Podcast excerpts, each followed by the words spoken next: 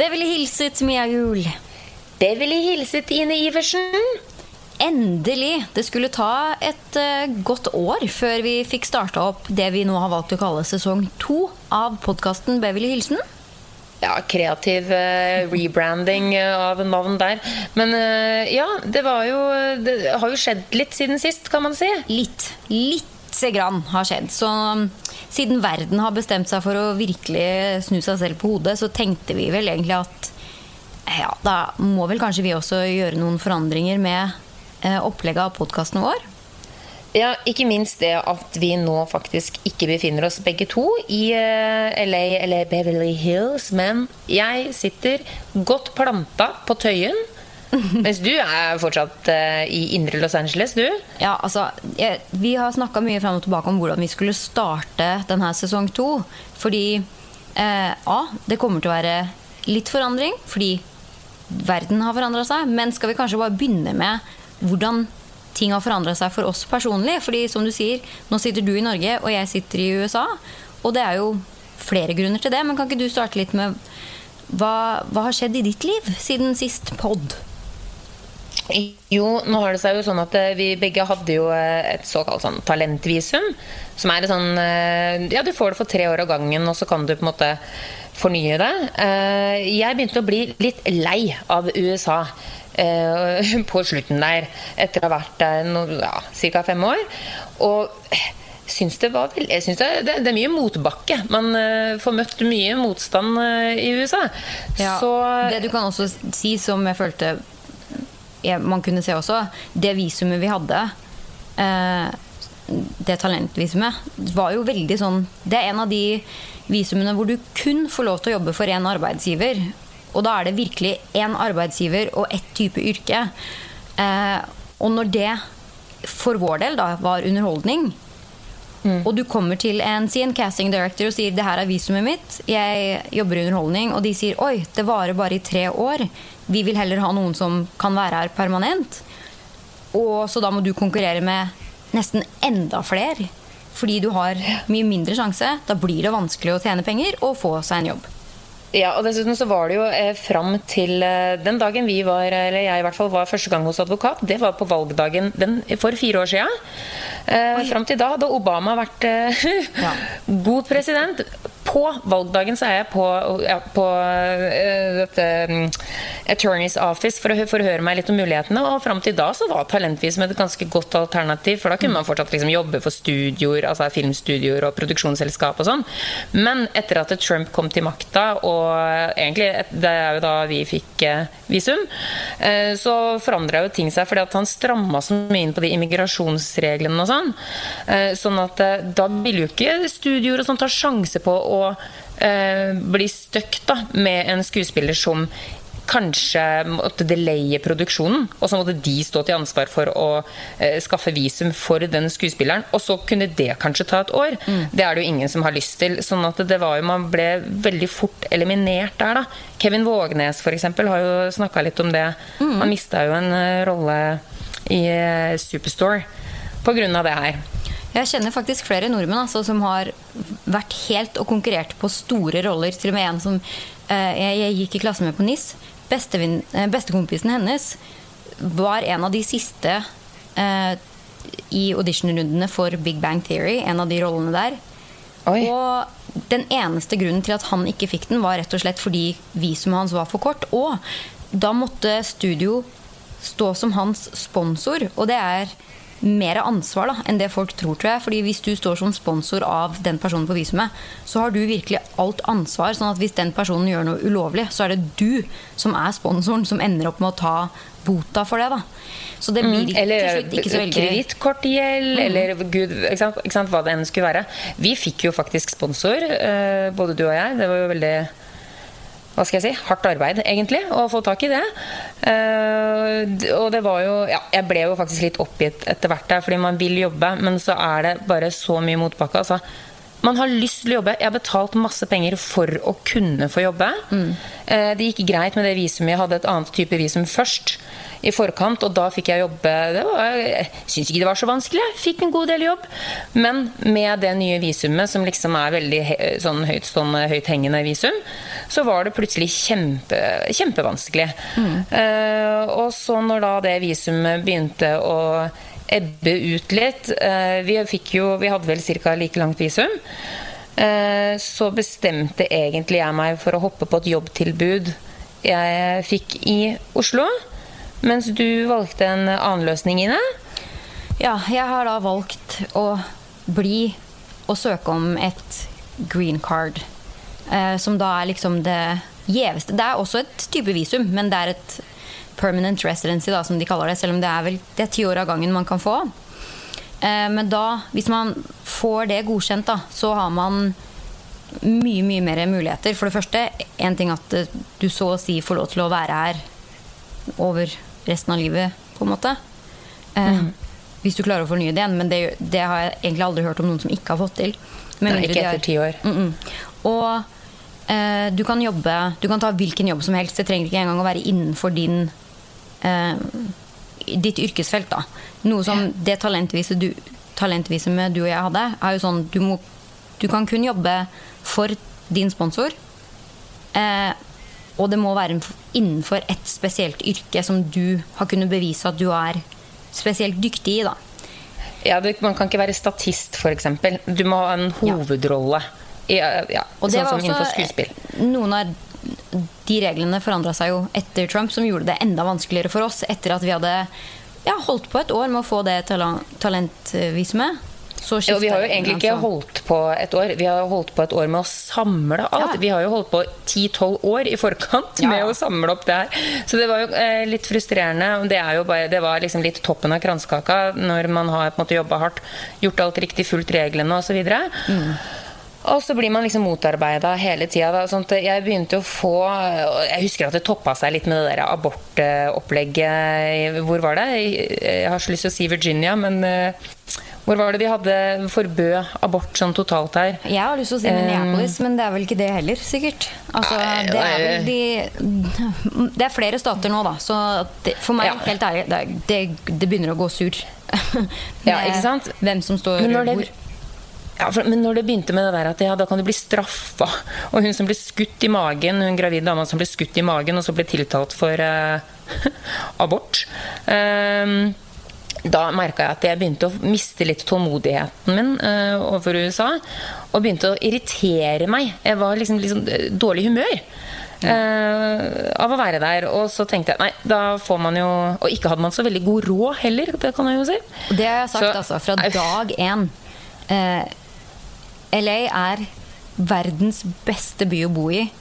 Men det er verdens verste plass å være hvis man ikke har råd til å ta del i noe her. Fordi det, for det første koster det svinmye å bo her. Altså husleie og alle sånne ting. Minimum 70 000 dollar i året. Altså eh, i underkant av 700 000 kroner ja. er minimum du Altså for at du skal leve ok over fattigdomsgrensa og ikke liksom bo med fire andre voksne på et uh, rom med køyesenger, mm. så er det minimum. Og det er jo helt vilt. Ja, I et land som har uh, liksom 12 eh, dollar som minimum wage. Og du kan tenke deg, Det er en by hvor det skjer ting absolutt hele tiden. Men du får ikke vært med på noe av det hvis du ikke har penger. Sånn at da blir man liksom bare den på utsida av Disneyland som står og ser på. da Og det er jo ikke så gøy. Jeg rett og slett Jeg er ikke så veldig god på å merke det akkurat eh, der og da, men jeg ser jo etterpå, du så vel det litt du også, at det var, det var litt deprimert eh, litt mye sengeliggende på slutten der. Ja. Så det var vel egentlig bare å pakke bagen og så ta seg et ja, For meg så ble det nesten et friår i Norge, fordi jeg har ikke vært eh, i Norge såpass mye og så lenge i løpet av mitt voksne liv som jeg har vært nå. Eh, og det har jo for så vidt vært greit, men det var jo ikke akkurat det ideelle året å, å prøve noe nytt på.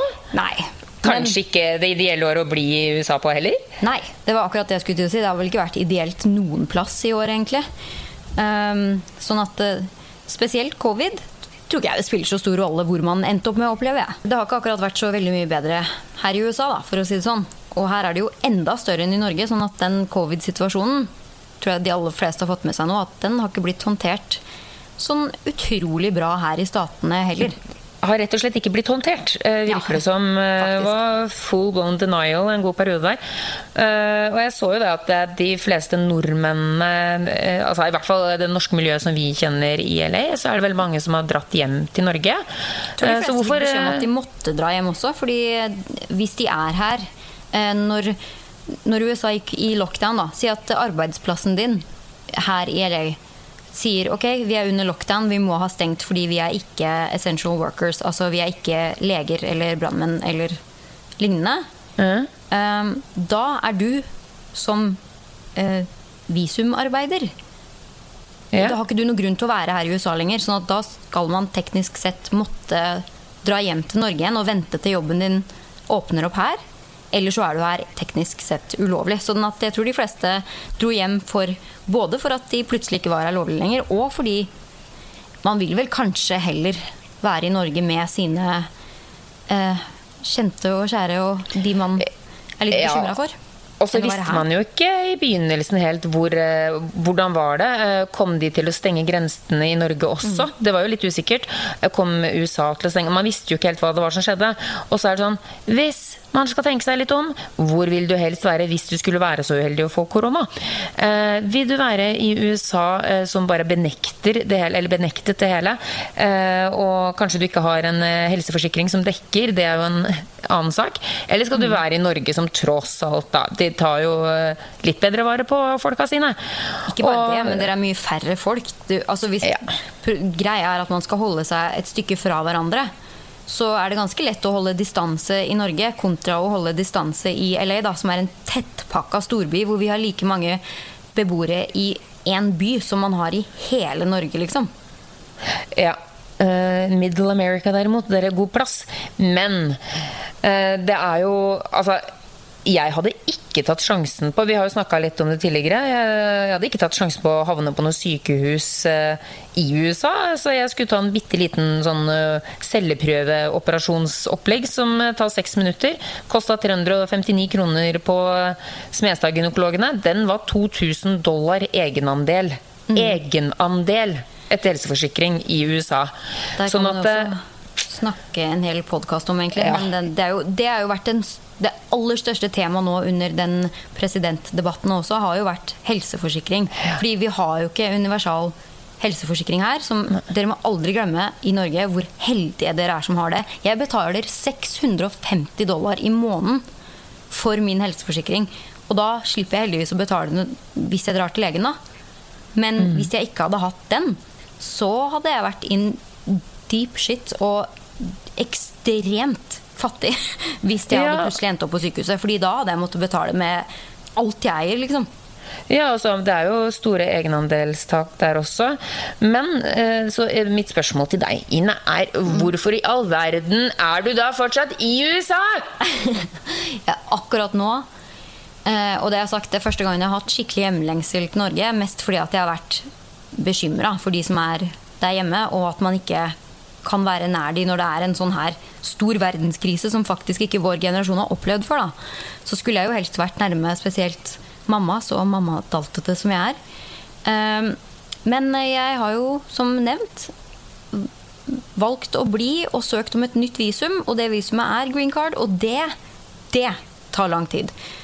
Ehm, for eh, under lockdown under covid også, så fikk de en sånn kjempebacklog. Sånn utrolig lang forsinkelse. Sånn at ikke ja, altså det, det hopa seg opp ja, med det, søknader? Ja. ja. fordi de som jobba på kontorene i Immigration her, de fikk jo ikke lov til å dra på jobb. Fordi det er et kontorlandskap. Ja. Sånn at de var ikke essential workers i den forstand. da.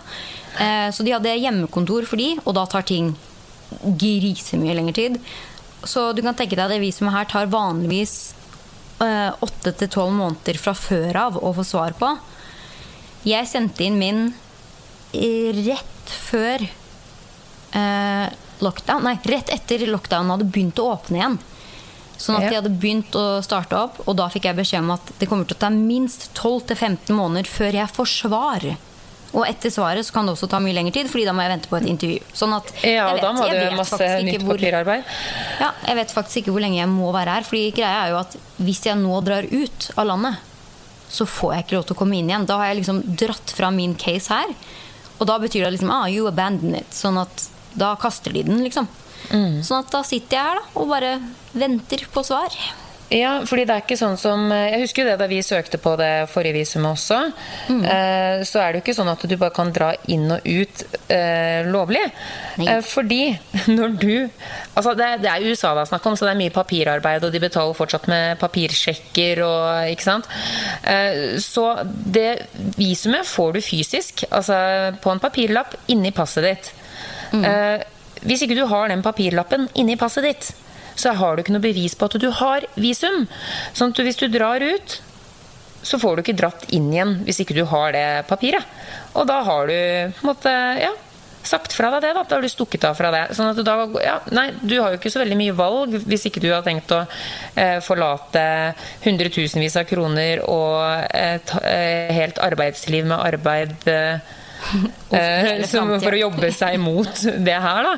Det er jo, ja, Så jeg skjønner jo det godt. Ja, så du kan tenke deg, jeg har hvert fall En ting er at man ber om at eh, de man er glad i, ikke skal bli syke fra før av. Men vær så snill og ikke bli syk nå. Fordi Altså Det er sånn jeg sier det til deg, fordi du er det næreste kjæreste jeg har. Og mamma spesielt, fordi hun også er i den alderen hvor de sier at covid kan faktisk bli ganske alvorlig. da. Og jeg bare, dere må ikke, altså Hvis dere blir syke, og jeg får greie på at en av dere plutselig ender på sykehuset, og sånn, ikke, altså da er det bare koffert og ut. Altså, Jeg, så dere må holde dere friske. Ja. Ja, Ellers da må man jo bare Jo, men herregud, vet du hva? Alle virkemidler dine for at folk bruker de forbanna munnbindene sine. Du, det skulle jeg akkurat til å si også. Gilt, fordi gilt dem ned. Gi Eh, skyldfølelse. man snakker jo om, liksom, som du sier, hvorfor vil man være i USA på denne tida, liksom? Og så skal man heller ikke glemme at det som gjør at USA også sliter så ekstremt nå, er fordi at vi har for det første en helt idiotisk eh, Jeg vet ikke hva han er engang. Jeg har ikke noe lyst til å kalle han mann, fordi han er jo et barnedyr av en frontfigur som er president.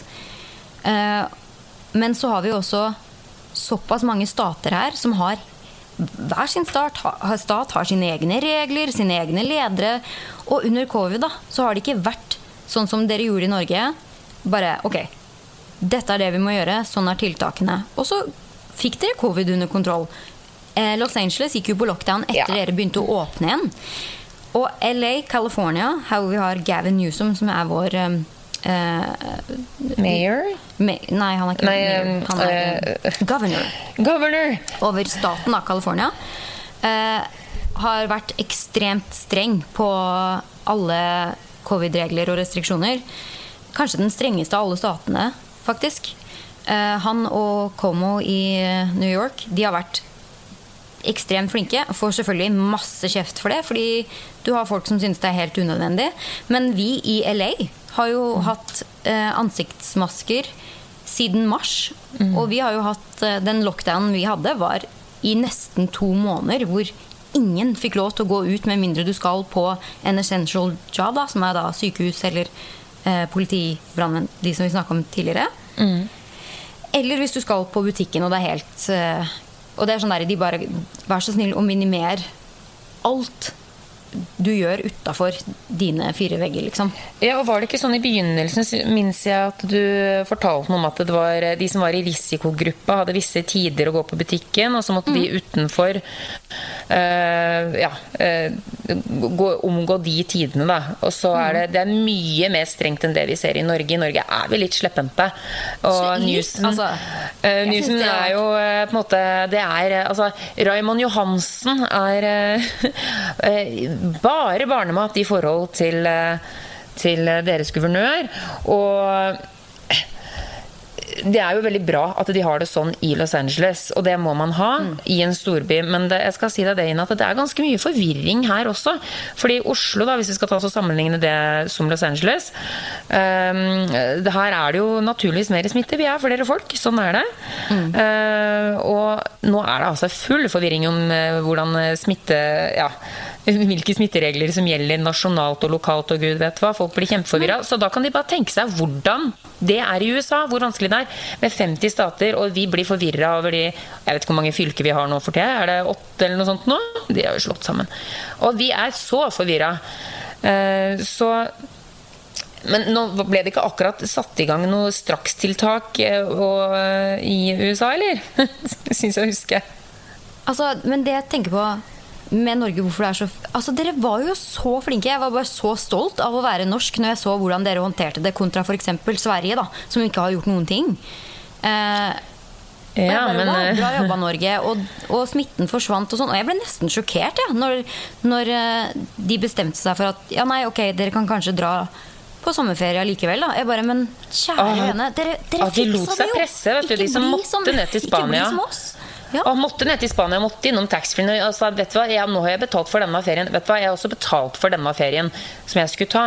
Men vet du hva, når man må ta seg sammen Du klarer deg med en uke liksom eh, på, på huk istedenfor uh, altså på Huk Skal ikke kimse av huk. Nei, men altså Seriøst, liksom. Ta dere sammen. Og nei, man måtte på den der forbanna ferien. Og det var sånn, vet du hva Hva var det som skjedde? Man ble slepphendt. ikke? Slapp opp litt. Mm. Men folk holdt på å bli gærne, da. Men, men, det viser seg jo nå Vi mobba jo Sverige ganske mye i begynnelsen. Og bare gud er meg, for noen tullinger. Eh, skal de skape flokkimmunitet de da? Men det kan jo hende at ikke det var det dummeste, altså. Bortsett fra at de ikke hadde kapasitet da, på sykehusene akkurat da. Men nå har vi jo opparbeida Ja, i Sverige, ja. Men de fins jo ikke. Herd immunity. Det er ikke noe som heter det lenger. De vet jo ikke. Vi har ikke hatt det viruset her i et år engang. Det er ingen som vet hvor lenge det, den type immuniteten kommer til å være. For alt vi vet, så kommer det her viruset til å eskalere til et mer resistent oppgradert virus. Altså De som har ja, hatt det allerede, kan jo to ganger. om å få det en, eh, ja, en andre, en tredje Vi vet jo ikke. Og ja, alle har da hatt influensa mer enn én gang. I, I Sverige òg, da. Ja, det gjør det. Se hvor mange, hvor mange de har eh, mista kontra Norge, som faktisk håndterte det med en gang. Og dere har jo hatt en ganske normal sommer. Ja eh, Altså, men jeg ser det jo bare herfra. Jo, men her er det jo, jo da, jeg tror det. Eh, jeg hadde begynt i ny jobb da også, sånn at jeg merka egentlig ikke så mye av den sommeren. Men jeg tror kanskje det, altså, at det har vært sånn noenlunde ok. Ja, nordmenn er veldig glad i å feste, da, og det er jo stort inngripen i folks eh, ja, fest og moro når man må gå hjem fra byen klokka halv ett istedenfor klokka halv tre. Ja, det er krise, vet du. Så, men det, er, eh, det har jo vært noenlunde ok. Nå måtte de stramme inn igjen nå. Nå har vi fått påbud på kollektivtransport og eh, på alle offentlige plasser der hvor det ikke går an å opprettholde mer enn hva er det, 1,5 meter eller noe sånt nå. Uh, og nå folk begynner å bli litt lei. Men det er sånn, seriøst, kan vi bare, kan vi bare ta oss sammen? Bare ikke host på andre folk. Ikke tafs. Bare gå med masker. Seriously, alle er drittlei. Ta den for laget og pust din egne ekle ånde inn i 20 minutter når du er ute og går, liksom. Det klarer man. Ja, men jeg tenker på også helt seriøst Norge. Til og med i Oslo, liksom. Storbyen. Dere har masse av natur og store parker hvor dere faktisk kan være ute og ikke behøver å være oppå hverandre. Og dere er et lite, ganske spredt land. Sånn, at, sånn som dere håndterte det med en gang det kom. Altså, folk var inne, det gikk over ganske fort. Under kontroll. Det tok ikke lang tid. Her, seriøst, her, som jeg sier, i LA Vi har nettopp, nettopp begynt å åpne ting igjen. Og nå kommer jo den andre bølgen. Det er sånn, det tar så sinnssykt mye lengre tid å håndtere når eh, Når man er fler og folk ikke hører etter. Norge, dere er få. Her er mm. reglene. Gjør nå det i en periode til dere ser at ting er At dere har kontroll på det igjen. Altså, det, jeg skjønner ikke hvorfor det burde være så vanskelig når man ikke er så mange. Man må kunne ta i litt for ja, resten men, av gjengen. Eh, jeg må jo si at det, jeg merker at det, det, er lett å glemme seg bare den der med Hvis man er litt i egne tanker, så plutselig så står man i kø på butikken. Oi, oi, oi, nå var jeg veldig nærme en person. Og man vet jo ikke Det, er liksom, det smitter jo tydeligvis veldig lett eh, blant noen, og ja, man vet jo ikke helt. Sånn at, så det er jo litt med den glemskheten. Men det er sånn, man trenger ikke være dum. Det er så ofte at folk, jeg ser folk kaster seg rundt halsen på hverandre. Uh, for å gi en klem og sånn. Det er sånn Ja, nå må vi begynne å bli vant til at det, kanskje det er litt unødvendig, da.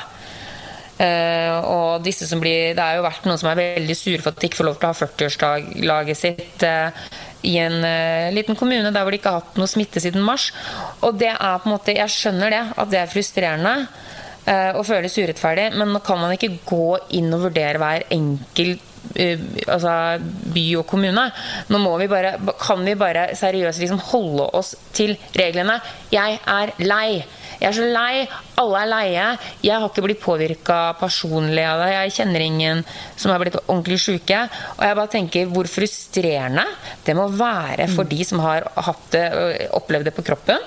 Eh, og til og med kanskje har mista noen nærme, å se en amerikansk president som står og sier at han egentlig følte seg litt som et supermenneske. At det bare var Herregud, slapp nå av! Det var ikke så farlig med den koronaen.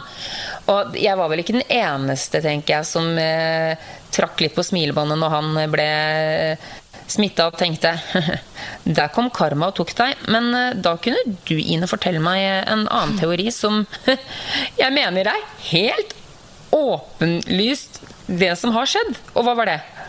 Altså, jeg tror hele verden har vel fått mer enn nok av Trump og hans uh, uttalelser. Men altså, når du bor her, tro meg, vi får Altså, det er så mye den, med den mannen at du aner ikke. Men det som var eh, spesielt med den situasjonen, da, var jo at når jeg fikk høre at han fikk covid Jeg tror jeg teksta deg med en gang.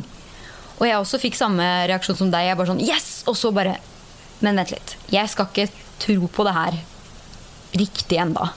Fordi Og det her er jo sånn det er det én ting man har lært av Trump, så er det jo at uh, er det fake news. At det, det fins, så ja. Uh, det kom vel opp på, noe, på Twitter og sånn med en gang. Uh, for folk som tvilte, da. Men altså, du vet, det er så mye QAnon, konspirasjonsteorier, alt det greiene som foregår her, at jeg har valgt å bare holde litt distanse til sånne ting. Fordi altså det er helt utrolig hva folk eh, tror på altså når de begynner å studere inn på konspirasjonsteorier. Altså, folk tror eh, helt på ekte at eh, Hillary var en del av Pizzagate og er en pedofil barnemorder som driver en sexring med hemmelige koder som det går i pizza. Pizzakoder i en prostitusjonsring. Det er liksom sånn en pedofiliring. Det her er noe de oppriktig veldig mange oppriktig tror på, som er pure propaganda spydd ut som en av verdens mektigste mennesker anerkjenner. Mm, sånn at man kan, ikke begynne, man kan ikke begynne å, gå for dypt i det, for da blir man sprø, altså. Ja, ja, det må jeg bare si. Eh, det er en podkast som jeg oppfordrer alle, absolutt alle til å høre på, fordi den sier så mye om eh, den skillet mellom amerikanerne nå også, med de som er super høyreekstreme, og de som er super eh, right side og left side av politikken her.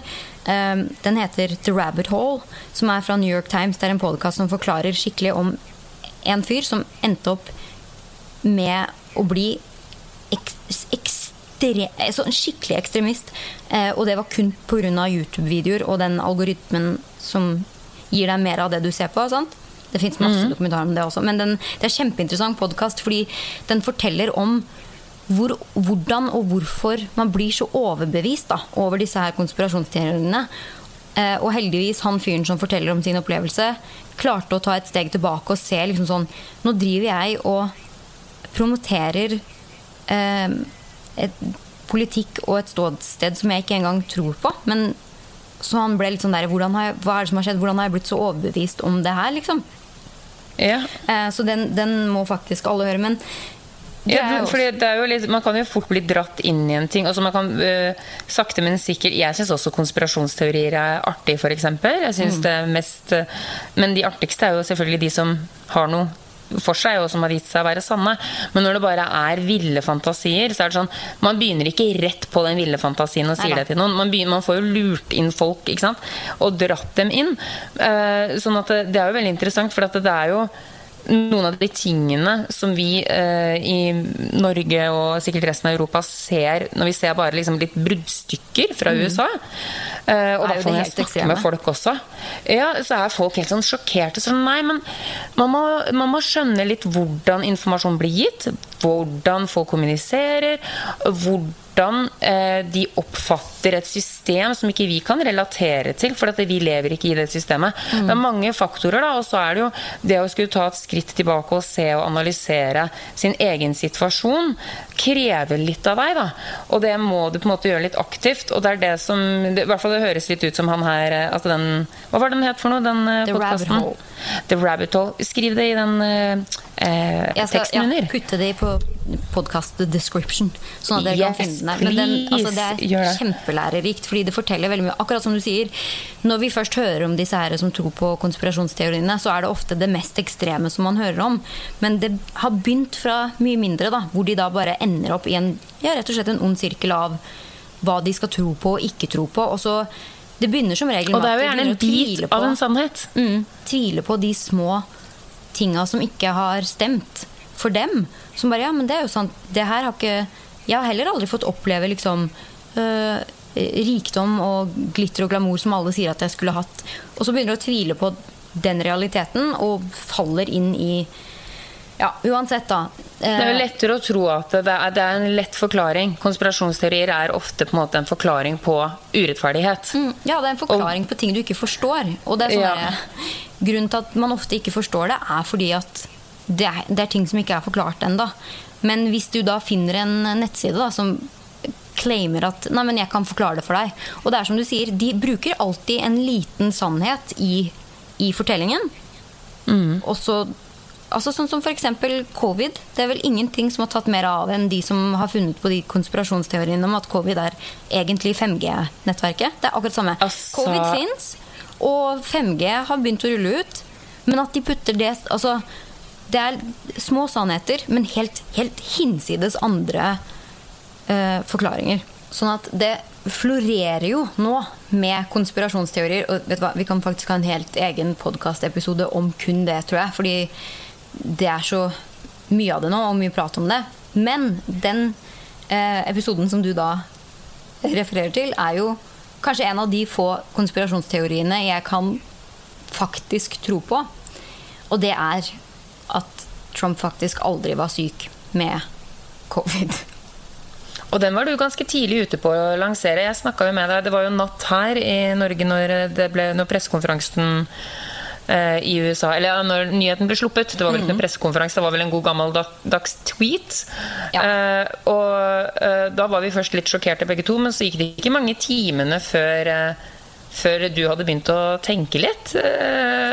logisk, spør du meg. Ja, altså, jeg kan forklare hvorfor jeg sier det også. og det er ikke mm -hmm. sånn spesielt fordi at jeg er en konspirasjonsteori, men det jeg har fått ut av det, da, som for meg fremdeles er helt uforståelig. Det her er en mann som er ekstremt overvektig.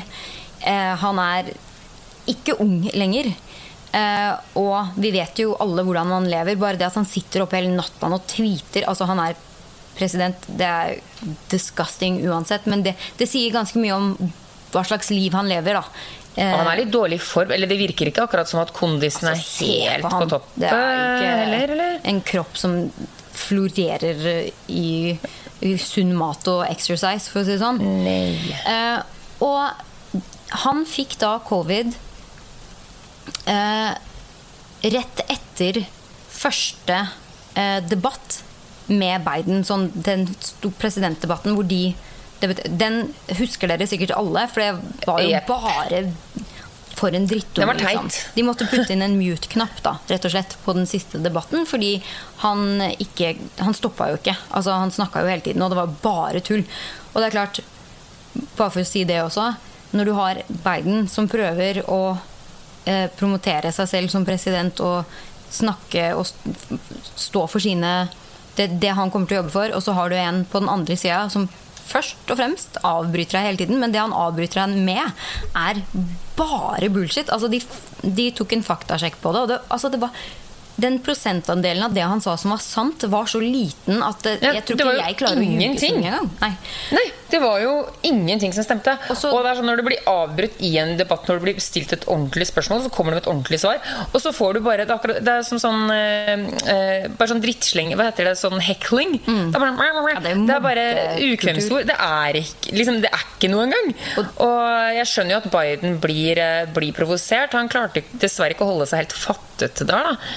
Nei, og det, Eh. men det som også blir problemet, er jo sånn Det blir en veldig stor kontrast på måten de snakker på. Se, hvis du bare ser på den debatten, og ikke tenker på hva som er sant og ikke sant, og det som blir sagt, så er jo Trump mye mer på. Han er mye mer eh, Han fremstår mye sterkere, da, som er en sånn greie som Ja, veldig mange han er sånn, He's an aggressive male, og det er veldig Ja. tiltrekkende for mange amerikanere. Fordi at Ja. de fremdeles lever litt i 60-tallet. Hvor det er, liksom, det er attraktivt å være en aggressiv og kjapp i replikken type mann. Det må du være i USA for å klare å komme deg noe sted, egentlig. Ja. For å klare å, å jobbe seg Og det er eh, the land of the Altså det er håp og drømmer og gud vet hva, den amerikanske drømmen. Og for å gjøre det, da må du være ganske aggressiv. Det kan jeg skrive under på. Du må liksom kjøre hardt på. Eh, og det er det som måtte, signaliserer en sterk og god leder. En som kan ta den, gå foran, lede og ha disse sterke meningene. Det er eh, Selv om Obama var jo veldig eh, hva skal jeg si, veldig lugn og veldig litt sånn zen i forhold, men han også var veldig, Han han var veldig tydelig. Ja, ja. Han Han, var så utrolig tydelig. Mm, sånn at Trump har, han er aggressiv, men på en annen måte. Litt mer den direkte. Ja, og ikke bare det, men det er sånn uh, Det viser så mye av personlighetene deres, da. Trump er han er en kjendis. først og fremst. Det er sånn man kjenner Donald Trump. Han er kjendisbusinessmannen fra The Apprentice, liksom. Hvis, Ok, vet du hva, Det her må nordmenn få litt klart for seg også. De blir veldig overraska. Men unnskyld meg. Eh, politikere og de kjente politikerne i USA Det har vært mange klovner opp igjennom. Reagan, det er Clint Eastwood er guvernør. Se på Arnold Schwarzenegger. Unnskyld meg, George W. Bush, eh, altså junioren, eh, var jo ikke akkurat eh, det, det skarpeste vi har sett, han heller. Vi lo av han nå den gang. Altså, det burde ikke komme for, som noe sjokk på folk at det er en reality-deltaker, eller en reality-programleder, som er president av eh, trash-TV-ens hjemland USA. Syns jo jeg. Det appellerer. Det er klart det gjør det. ja, fordi at politikk er Altså det å snakke såpass seriøst om et så stort land det er folk som kommer til å føle seg utafor. Og de som er utafor, de har også en rett til å stemme. De skal stemme. Det er en stor prosent av USA.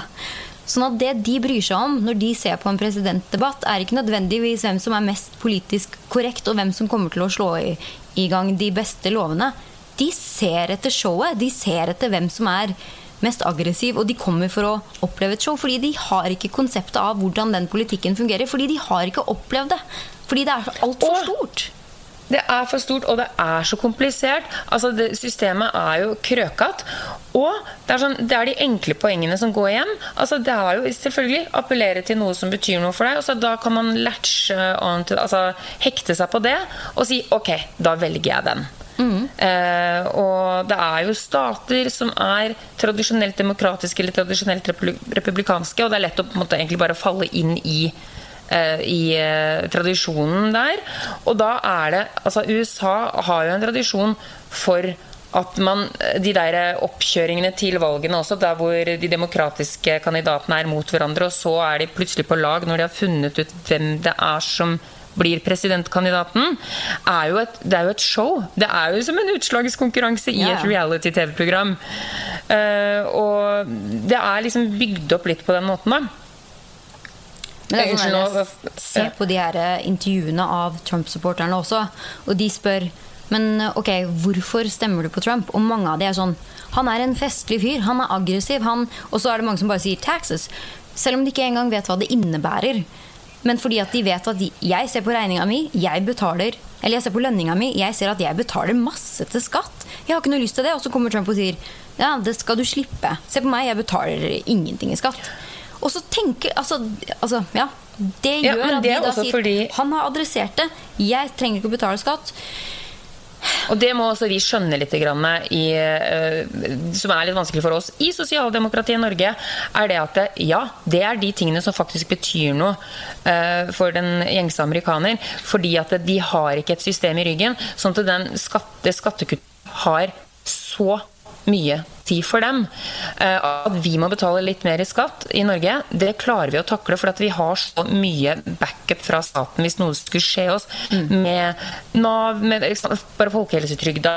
Vi har liksom et helt system. Men der er det sånn at ja, faktisk, det skattekuttet kan ha alt å si for en familie. Så hvis det er det du lover, så kan du selge deg inn da, som en presidentkandidat til eh, veldig, veldig mange på det ene poenget. Og så, siden USA er USA man kan ikke drive og tenke på konsekvenser, jeg som velger. Hvorfor skal jeg tenke på følge Altså, øh, ja hvor, hvor, får man pengene fra da, osv. Jeg må konsentrere meg om meg, og jeg må konsentrere meg om å overleve med min økonomi. Og da er det lettere å appellere eh, til disse folka, fordi at det er stramt. Og det er ikke ja, de har vel fått kjørt fram det poenget der nå, men altså Det er jo veldig andre kriterier for hvorfor man velger å stemme på noen, enn det som man kanskje gjør i andre europeiske Ja, de nordiske landene, da. Ja, og det er bare sånn det, det, Man prøver liksom å ville forstå velgerne, sant? Og jeg har liksom hørt på masse altså Jeg ser det jo hver dag. Intervjuer med Trump-supporter og alt sånne ting. Jeg kan kjempelett forstå at liksom vi stemmer på republikanere, fordi det er det partiet. Men når det kommer til Trump De som er virkelig Trump-supportere, egentlig føler at det ikke er sånn vi er republikanere, så det spiller ingen rolle hvem kandidaten er. Eh, det her er vårt parti, liksom. Men Trump-supporterne er altså Det er Trump de går inn for, altså. Det er ikke sånn 'jeg er republikaner', jeg er Trumper. Trump, ja, ja. Er, han har en enorm sånn altså Det er mm. helt utrolig hva slags sånn rockestjerne uh, Jeg vil ikke si han har karisma, men han har jo en eller annen tiltrekningskraft. Noe som folk liksom liker med han. da Ja, Men det er fordi at han ljuger så det renner. Og det er enklere å ta til seg en god løgn og leve på dem enn å, å En dårlig løgn òg, tydeligvis. På, ja, men det er sånn eh, han, han ljuger, men det han sier, høres bra ut for mitt liv. Så da vil jeg heller ha det sånn. Og det er sånn, For oss er det selvfølgelig en helt, helt fjernt fra realiteten, fordi vi vet at sånn fungerer ikke verden. Men hvis du ikke har noe annet da, å holde, holde fast i, så blir det plutselig veldig appellerende.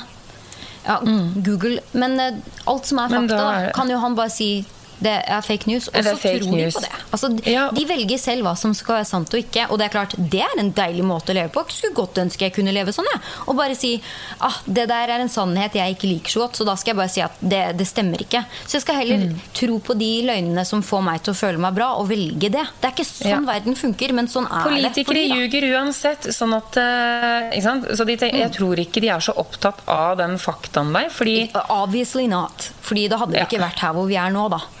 Um, men det var en av de tingene som i hvert fall opptok den første debatten, var jo det, og det som Camilla Harris og uh, Biden har brukt sin kampanje til å slå i bordet med, er se hvordan den presidenten dere har nå, har uh, håndtert denne uh, pandemien, den sykdommen som har, og hva som har skjedd med landet deres. Alle dere som har mista jobben. Alle dere som har mista noen dere er glad i. Uh, og vi fremdeles ikke har kommet noe lenger enn, enn vi var i mars. Eh, så de har brukt covid masse til å liksom slå i bordet med. Ja, det kommer vel fram noen ganske skrekkinngytende tall også der, med antall smittede og døde i USA. Sånn eh, harde fakta. Det er, helt, det er helt, ille, liksom. Ja, når man fikk liksom eh, totalen, så i, i, altså, I New York, den, når den første bølgen kom, det var jo trailere hver dag som fyltes opp med døde kropper fordi de ikke hadde plass i fryserommene på sykehusene. Mm. Liksom. Det, det, det, det, blir som en helt annen verden. Eh, mm. Og det er sånn Det kunne vært unngått hvis man hadde en president som sier det her rammer hele landet vårt. Vi må alle gjøre akkurat det samme nå for at det skal slutte. Han var jo mest opptatt av å, å ta, dra, ta, fokus vekk fra ja, ja. Han, sykdommen altså, og skylde på masse andre ting. Og, han visste vel ikke helt hva han skulle gjøre, rett og slett. Og det, han begynte å tro på sine egne løgner, rett og slett, tror jeg. Om at det ikke var så farlig. Ja, og det var jo det som skjedde, som gjør også at jeg tviler, har begynt å tvile skikkelig på den diagnosen hans. Igjen A, fordi hans fysikk virker ikke som at det skulle vært sannsynlig at han var oppe og gikk, og det var ikke så ille, og tre dager etterpå var han helt frisk. Altså For meg så syns jeg de det ser ut som et idiotisk show. Ja, og det, han er jo igjen den eneste som har nekta å vise testene sine. Så til og med den der positive testen hvor alle bare Kan vi få se? Fordi det har folk tydeligvis en rett på da under eh, Når en president blir syk, så skal man ha rett til å få se de testene. Fordi det er presidenten vår. Det er han som styrer og er sjefen vår, liksom. Oi, det må være noe etter Roosevelt, det. Som hadde Var det polio? Ja, ja, og det er sånn, Voldsomt! men du vet, ja. det er også sånne, sånne regler her som ikke er Det, det fins veier rundt alle reglene i USA, da. Men det mm. er en greie at det er ikke noe sånn Det kan høres sånn skal, Hæ, skal man ha rett til å få se det? Men det er man har det, men om de gjør det eller ikke ja, Trump gjør jo sin egen greie. Den øverste lederen, hvis ikke uansett, han er tilstand. Man skulle jo tro at det er uansett en ting som når folk sier 'vi må få se det, ellers så tror vi det ikke', som man lett kunne bare ha vist, men det har man aldri sett. Eh, og så igjen så er det det at etter den første debatten Han ble knust eh, i den forstand av fakta, selv om han overkjørte jo Biden under hele debatten.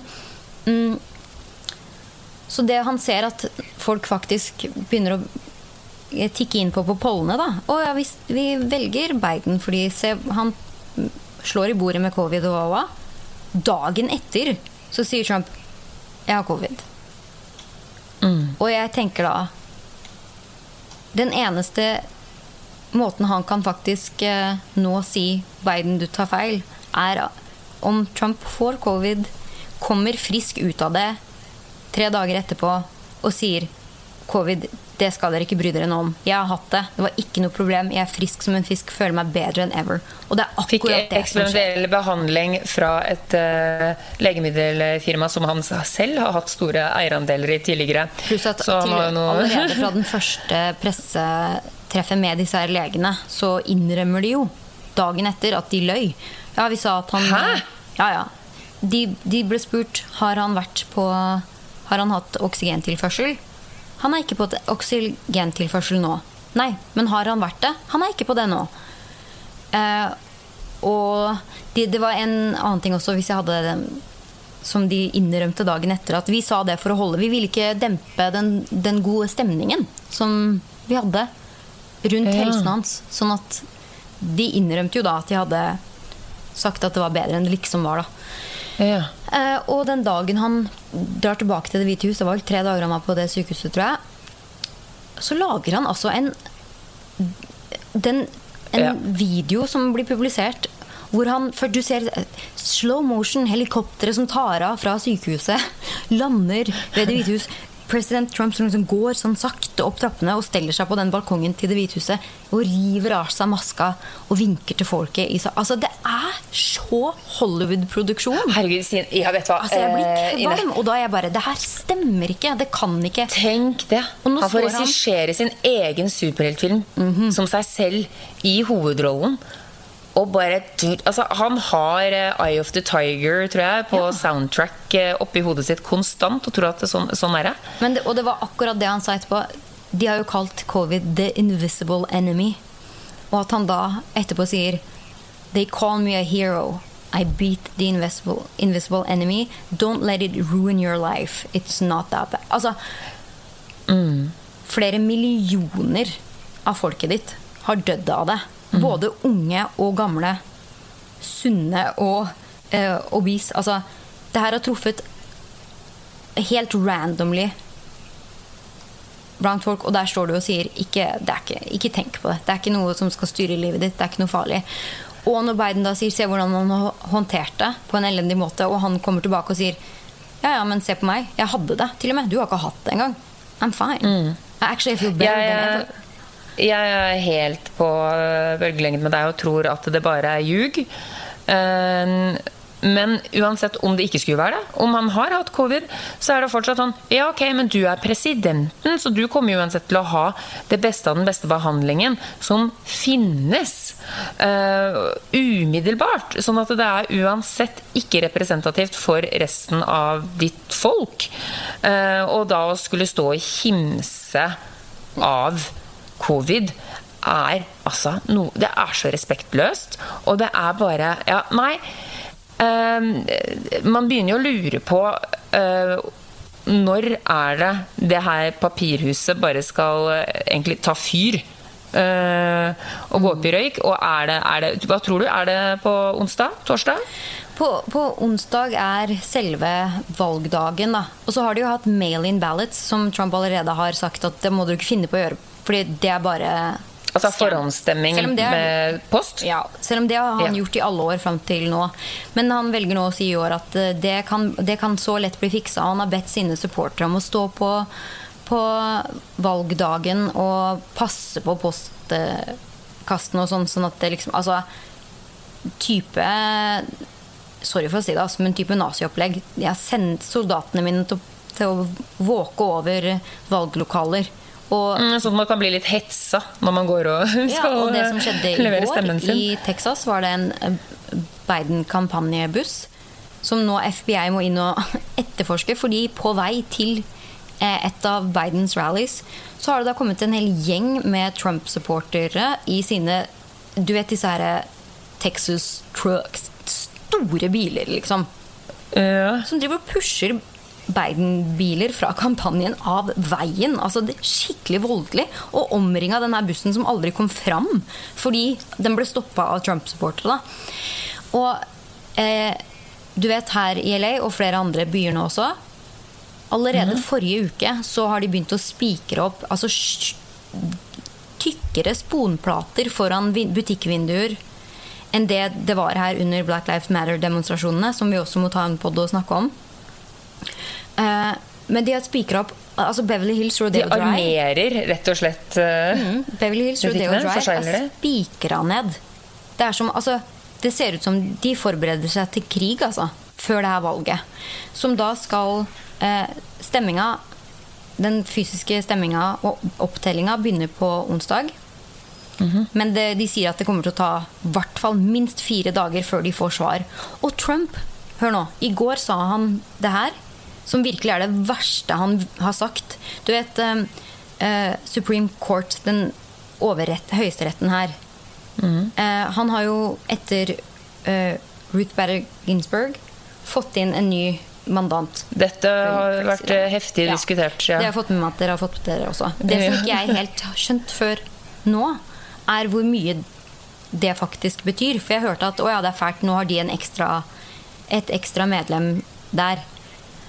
Men det som Trump nå også innrømmer at han kommer til å gjøre, er etter de stemmene er telt opp Hvis han taper, så er han overbevist om at det er pga. juks. Det som da skjer, er at dem, den resultatene må ankes. Den anken går da til Supreme Court. ja, det er jo klart, det er jo en grunn til at han ville måtte presse inn hun der Ja. Rett før, og gå imot sitt eget ord, fra tidligere. blir fra de tidligere av. som bestemmer og, må å si det, har det vært juks eller ikke. Og så kan det jo, er vel høyesterett I, ja. I går var uh, In four days There will be four more years Thanks to you guys Or if not Thanks to the Supreme Court. Noe som sier at han har virkelig Altså han kommer ikke til å gå Hvis ikke han vinner. Da kommer han til å anke en, det Og da er eh, overbevist om at De kommer til å gi han medhold Det, Det er diktatur skremmende altså. Det er skremmende i og det kommer jo til å bli, Jeg er overbevist om at vi er forberedt på en borgerkrig nå. liksom. Det har vært eh, Trump-rallies i Beverly Hills siden, ja, siden debatten starta. da. Små grupper. Altså, I LA nå det er så mange biler. Jeg ser, Du kan jo se stat, yes. staten på, på skiltene. sant? Plutselig altså Jeg har alltid bare sett California. Noen ganger ser man kanskje en og annen Nevada. Eh, Oregon. Arizona. Altså de nærmeste.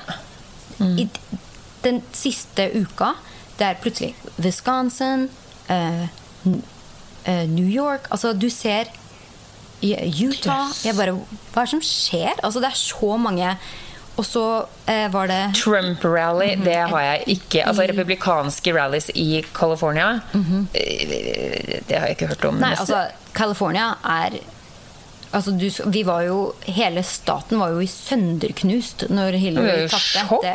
ja. Vi var jo egentlig overbevist hele gjengen om at hun skulle vinne, men det er jo en helt annen historie. Men i går så var det da altså eh, igjen disse her Trump-rallies-oppmøtene i Beverly Hills. På utsida av det Beverly Hills-skiltet hvor vi har tatt våre Beverly Hilsen-bilder. Altså Det var så, så sjukt av folk at jeg har aldri, aldri i mine åtte år i LA sett så mange eh, i det hele tatt republikanere samla på ett sted i det var noen misjonærer eh, som skulle komme og overtale fiffen. Og det er jo det han har bedt de om. Dere, Mhm. dere må dra til de statene som vi ikke vanligvis leder i, og passe på disse valglokalene. Så, og jeg kødder ikke. Det har kommet folk fra alle stater utenfor som kommer til å være her i LA og andre steder i California da, på valgdagen for å passe på disse valglokalene. Jeg, jeg må jo si at jeg for har bare- litt troa på at eh, Trump vinner. Altså at han vinner, vinner. Eh, Jeg har ikke troa på at han vinner. Hvor, hvor vinner, vinner, ja, på lovlig vis. Men at han får mest eh, opptalte stemmer, kan jeg tenke meg at han gjør. Uh, jeg er, og det er jo derfor vi også sa at vi må starte sesong to nå. Og nå, blir det jo, nå høres det jo veldig politisk ut. Det er ikke det at vi kommer til å være en superpolitisk Ja, vi kommer til å fjase med. Tro meg, det kommer til å bli fjas, men akkurat nå så er det her så stor del av både Det kommer til å ha en stor effekt både for dere i Norge og andre steder i verden også, fordi USA er USA, da. Mm. Men jeg føler det er viktig at vi også snakker om det som Du har bodd her i flere år, jeg er stuck her nå. Og snakke om Mm. Vi hvordan det opplevde jo oppleves. eh, skiftet Obama-Trump også. Ja, og det eh, som skjedde fort, en, fort eh, og brutalt. Veldig eh, Vi har jo faktisk noe video fra det, for vi drev og filma det. Og det var jo Jeg må si at det var et sjokk. Spesielt det at det under eh, Trumps sin eh, sånn eh, Altså vinnertale, holdt jeg på å si. eh, så gikk jo eh, elektrisiteten i hele indre Los Angeles by, og da trodde vi vel at det var nå Da trodde vi det var borgerkrig. Og det var ikke på langt nær en stemning sånn som det er nå. Nå er det Tror du, tror Det du at det blir ordentlig borgerkrig, eller? Ja, ja. Jeg, jeg er overbevist. Altså, hvis det er jo allerede nå har vært masse slåsskamper i Ikke her i LA foreløpig, da, annet enn den rally som var i går, som var større enn ever. Men fysiske slåsskamper liksom, i mange stater mellom Trump-supportere og Biden-supportere. Og den derre Altså, måten han snakker til sine supportere på, og virkelig ber de om å bare oppfordre Oppfordrer. up, mans up. Gjør det dere må i gatene. Liksom. Det er, det er så Han lager sin egen armé. på en måte. jeg tror folk veit, altså. Og det når jeg går ut her på kjøpesenteret som er rett over gata her, da. The Grove, som sikkert mange vet hvor er. Som, om de har vært i LA. Og se at de driver og spikrer opp. Og det er virkelig sånn Det er dauseriøst på at de vet at den neste uka nå, med valgresultater og alt som kommer til å skje, det kommer ikke til å bli pent. Det kommer til å Det kommer til å skje noe, liksom. Ja, fordi det var jo eh, under disse Black Lives Matter-protestene eh, så var det jo en god del plyndring, og det var jo totalt altså, ødeleggelse. Og jeg syns det var litt artig, fordi at eh, vi drev og snakka sammen samtidig mens jeg så på livestream på Facebook. Eh, og da gikk de liksom forbi blokka vi bodde i, det her eh, demonstrasjonstoget, og når vi så disse nasjonalgarden Ja. marsjere seg gjennom. Det var helt surrealistisk å se på. Og så husker jeg at jeg ba deg gå ut på verandaen, gå ut på verandaen og vink! Og det var bare en sånn surrealistisk greie, fordi ja, vi hadde det vel litt morsomt med det. Men det var bare sånn det så jo ut som det var, innma det var innmarsj av en hær, liksom, med masse sinna demonstranter som bare hadde klikka og var helt voldelige og bare plyndra løs. Og det er også en ting som jeg ikke tror helt folk skjønner, det er det at det, det er såpass Så desperate er folk. Ja, det finnes folk som plyndrer uh, for the sake of it, for å si det sånn, men det er også fordi at det, hvem er det som passer på folket? Hvem faen er det som passer på folket? Nei, du må passe på deg sjøl. Altså, det er ikke alle for en, en for alle. Der er det every man for himself. Ja, ja. Og da kan, har ikke du råd til å tenke på eh, moral og den slags eh, nødvendigvis. Tror jeg kan være noe av grunnen. Um, men man så jo da Det var jo um, en veldig viktig demonstrasjon og en veldig viktig sak som skjedde der. Um, og det hadde de så lite under kontroll med tanke på ja, hva som skjedde, hvor det skjedde, hvordan de skulle håndtere massene, hvordan de skulle få frem budskapet, hvordan man skulle kommunisere med demonstrantene på en best mulig måte. Og da kan jeg se for meg nå Ja, hvordan det her kan det sånn- bli. Eh, jeg er ikke sånn redd for min egen del, annet enn at jeg ser rundt meg og bare Åh, it's, it's ugly, liksom. Men jeg tenker på de som bor i de statene hvor eh, de har helt andre gun rules, for å si det sånn. da. Du har lov til å gå rundt med og vise våpenet ditt fordi det I mange, mange stater i USA er jo Du har lov til å bære våpen hvor som helst, når som helst. Um, og du ser uh, de forskjellige Biden-supporterne og Trump-supporterne liksom Bilder av de står ansikt til ansikt med våpen. Altså det, det her kommer til å bli Eh, grisestygt, liksom.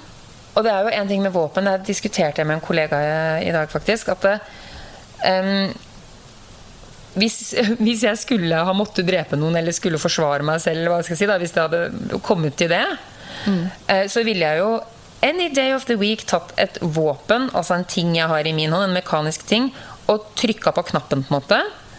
Eh, noen meter unna, fremfor å f.eks. tatt en kniv og knivstukket noen, eller kvært noen, eller banka noen til døde. Det er å gjøre det, da. Å gå til fysisk angrep på noen på den måten. At du må ta en kniv inn og ut av eh, brystet til en person. Da, det, det er det, Jeg trenger ikke å forklare hvor hardt og brutalt det er.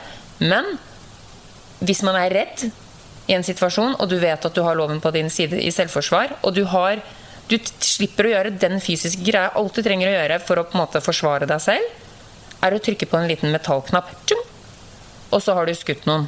Og så er det jo også andre som er aggressive. Mange? Det er veldig mange forskjellige årsaker. Men jeg bare sier at det, den derre våpengreia er veldig, veldig farlig. Er det ett skudd, så er det plutselig ti. Og det kan Man ser jo det på også disse eh, politifolka som skyter i hytt og gevær, og ja At det er eh, det er, litt lett å drepe noen. Og det eh, avler mer drap, og så har man det gående. Så jeg er også redd for at eh, her kan noen ja, litt for hissige folk rett og slett få blod på tann, og så er bare rent helvete løst. Og om det blir grupperingen nasjonalt eh, på, ja, i statene, eller hvordan det blir, det er jeg litt usikker på. Men man kan jo Ja, det var, sik sikkert Uansett hvem som vinner, så blir jo det her opptøyer. Ja, ja. Og det som nå veldig mange også sier, som jeg egentlig er enig i Jeg er nesten mer redd for hva Trump kommer til å gjøre om han ikke vinner, enn det, som kom, det han kommer til å gjøre i de fire åra han oh, ja. er president. liksom. Jeg vil ikke ha noen av delene. Jeg vil bare at han skal være ferdig og borte, liksom. Men uh, min teori fra sist gang var jo det at det kanskje man må ha at det hele liksom imploderer, at det på en måte kommer en wrecking ball da, og knuser hele, hele systemet. Og bare at det må bli så ille at man bare Ok, vet du hva, vi må bare gjøre om på det. Man må jo ha et oppgjør for å, for å bli kvitt det som ikke er bra. Men Ja, og da må det være så ille altså At folk liksom bare Å ja! Fordi at man tydelig Det holder ikke med vanlig engasjement og vanlig reasoning. Altså vanlige argumenter og fakta holder jo tydeligvis ikke. Så man må på en måte Det må skje noe, dessverre, som er helt ekstremt, da. Fordi hvis ikke så klarer tydeligvis ikke folk å åpne øya sine. Og er, er det det som skjer nå? Ja, det kommer til å skje snart, i hvert fall. Jeg føler at det er nesten enten eller. Enten så Altså, smellet, det kommer til å komme nå uansett, føler jeg. Men kommer det til å være for noe Kommer det til å komme noe bra ut av det? Eller kommer det til å smelle nå for at det blir skal bli enda verre, liksom? Det, helt ærlig vet jeg faktisk ikke helt jeg skal, hvor jeg står hen enda. Så jeg vet faktisk ikke hva jeg Ja, Om Amerika faller, på en måte, eller om det på en måte er et Ja, nytt grunnlag å bygge noe bedre på? om det her kommer til å bli, gjøre at de, de her ekstremistene kommer til å få mer eh, medgang enn motgang. da At det kommer til å gjøre vondt verre, på en måte. Eller om det her nå blir en eh, ja, lærepenger. Ja. Igjen USA som er så stort at man føler at det er ikke, det er ikke en Man kan ikke sette seg ned med gjengen og si OK, sånn her skal vi gjøre det. Det virker som at det er det som er så umulig, fordi det er så mange at liksom Ok, dere gjør sånn, og dere gjør sånn. Også det aller beste. Helt seriøst, jeg tuller ikke. Som California sa etter Hillary tapte også. eh, can we break loose? Altså Kan California for eksempel bare Nå er vi et eget land, sånn som Spania er et eget land i Europa. liksom Og så får statene Altså, de får ha seg noe- Fordi Amerikanske union, det kan de ha. Og så er det hvert sitt land. Ja. Men så har de noe samarbeid. Fordi Liksom. den, det Herregud. her opplegget det funker, Fordi det er også de statene er jo Det er jo så skjev fordeling på alt. Og det er jo også en ting man trenger flere timer å snakke om og forklare. Mm. Men eh, ser, altså, nå har vi faktisk passert en time allerede. Ja, altså, det, skravla går jo, men man blir jo så opprørt. Og så er ja. så mye òg. Men det er derfor Ja, ja. vi har tenkt at det er fint at vi nå starter sesong to av Beverly Hilsen. Den kommer til å starte litt hardt og brutalt, fordi det er sånn vi lever akkurat nå. Og vi skal jo ikke stoppe med det. Sånn at siden det her er eh, sesongstart på Beverly Hilsen, så tenker vi å følge den valguka nå med noen små oppdateringer underveis. Kanskje litt kortere episoder. Jeg ringer deg opp, sier at vi lever fremdeles. Forhåpentligvis. Ja. Og så smeller det til og blir håp, forhåpentligvis da, så blir livet mer og mer normalt etter det. Og vi får en deilig ny sesong. Og ikke bare politisk hjørne av Beverly Hills. Ikke sant? Ja, Vi har jo noen gode historier på lager også ikke sant, fra tidligere. Selv om ikke vi farter så mye rundt i Hollywood akkurat nå til dags. Og jeg kan jo f.eks. si da at eh, jeg kan fortelle litt om hvordan eh, jeg feiret halloween på fetisjklubb i helgen. Så la det være en cliffhanger. Så håper jeg at vi ses, eh, eller hørs, snart igjen. Har, har Jul vært på fetisjklubb Ja, ja, på det kan vi ta, det kan vi, ja, ja det, det kan vi ta senere, vet du. Ah, fy søren, det der, ja, du, den der må vi den, Jeg skal skrive den ned i bordsida mi, Fordi du får ikke, den der slipper du ikke unna med. Putte den Nei. på enden av politisk hjørne, da, gitt. Og så liksom Ja, En liten godbeta på, på slutten der, da, vet du. Ja, da er det mye å se fram imot. Men i hvert fall den kommende uka blir det litt, eh, litt mer politikk. Og litt oppdateringer fra livet. Og så Ja. må dere ikke glemme at uh, det blir nye episoder hver uke. Og vi kan følges på Facebook og Instagram. At At Beverly Hilsen. Og da gjenstår det vel egentlig bare å si sesong to, episode én, Ja, Beverly Hilsen i Iversen. og Mia Juel. Ohoi! Ha det! Nå er vi tilbake, stakkars folket. Å, fy faen. Ja, tenk når de sitter og hører på to idioter snakke politikk. Akkurat som det er på ekte, det. Uh, ja. Herregud.